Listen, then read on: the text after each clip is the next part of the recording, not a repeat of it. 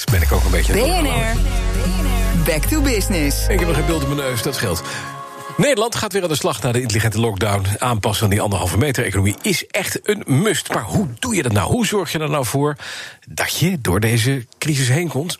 Met een beetje meer. Dat is natuurlijk leuk. Nou, we gaan inspiratie aan je geven met ondernemers die, die dit doen. Simon Reinik is bij ons, algemeen directeur van het Concertgebouw in Amsterdam. Welkom, meneer Reinik.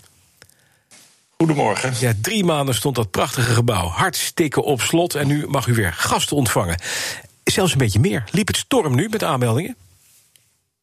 We waren blij dat de eerste concert inderdaad uh, vrij snel uh, ver, goed verkochten. Uh, we hadden eergisteren het eerste concert met piano.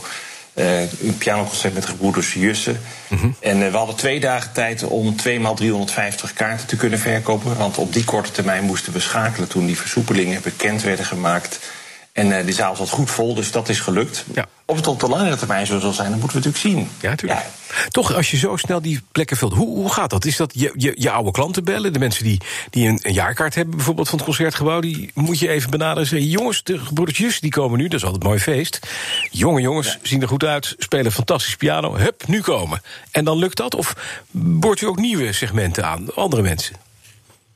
Nou ja, op deze korte termijn staan natuurlijk heel veel mensen al heel veel maanden te wachten om eindelijk weer eens naar een concert te mogen. Dus die hebben ons natuurlijk goed in de gaten gehouden wanneer het weer kan. Ja, ja, Dit is natuurlijk gewoon iedere dag voorpagina nieuws, die versoepelingen. Dus iedereen weet meteen van oké, okay, we mogen weer. Dus uh, we gaan meteen kijken op de website om kaarten te kopen. Ja, precies. Meneer Reijn, Ik denk dat dat voor veel mensen zo gaat. U zegt wel, we, we vragen ons af of dit sustainable is voor de, voor, de, voor de toekomst. Gaan we dit volhouden? Maar dat is, je kan 350 plekken per concert doen. Daar zit natuurlijk een businessmodel aan vast wat onder druk staat. Anderzijds, uh, schets eens even hoe je erbij zit straks in het concertgebouw. Want vroeger zaten we lekker op de klapstoeltjes hutje-mutje, maar dat is nu anders, hè? Nou, geen klapstoeltjes, nee, goede stoelen, goede banken. Maar 2000 plaatsen verkopen. En eigenlijk in de hele cultuur, vrijwel in de hele cultuursector geldt dat als je het goed doet, dat je met een net sluitende begroting uh, werkt. Of ja. met een sluitende exploitatie, zonder dat je winst maakt. Nu kunnen we ongeveer 20% van de kaarten verkopen.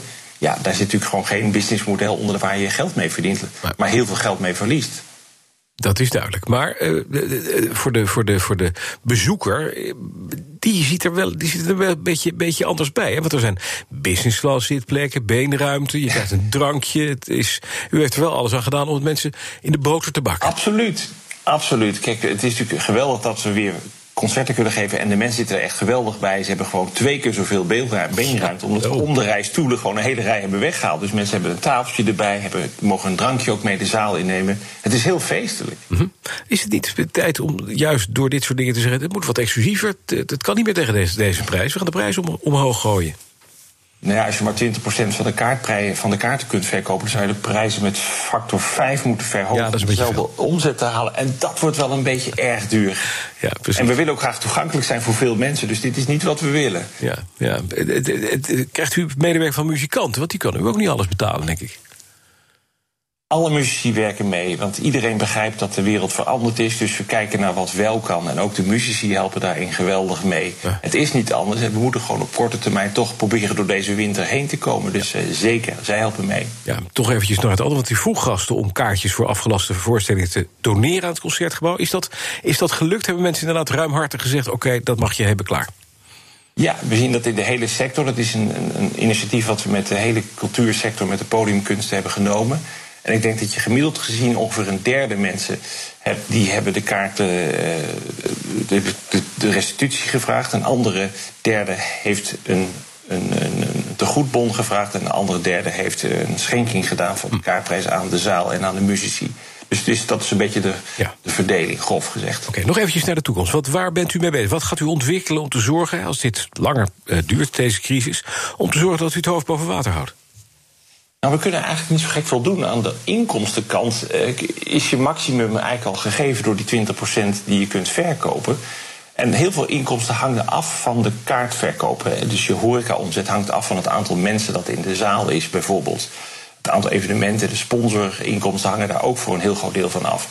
Dus je zult het vooral op deze korte termijn aan de kostenkant moeten doen door in je kosten te gaan snijden. Mm -hmm. Om te voorkomen dat je verliezen nog heel veel sterker oplopen. Dat is eigenlijk wat je over de hele linie ziet gebeuren in onze sector op dit moment. Ja, dus, en ook wij doen dat. Duidelijk, dank. Simon Reinik, algemeen directeur van het Concertgebouw in Amsterdam. BNR Back to Business wordt mede mogelijk gemaakt door Incentro. Veranderen moet, veranderen is goed.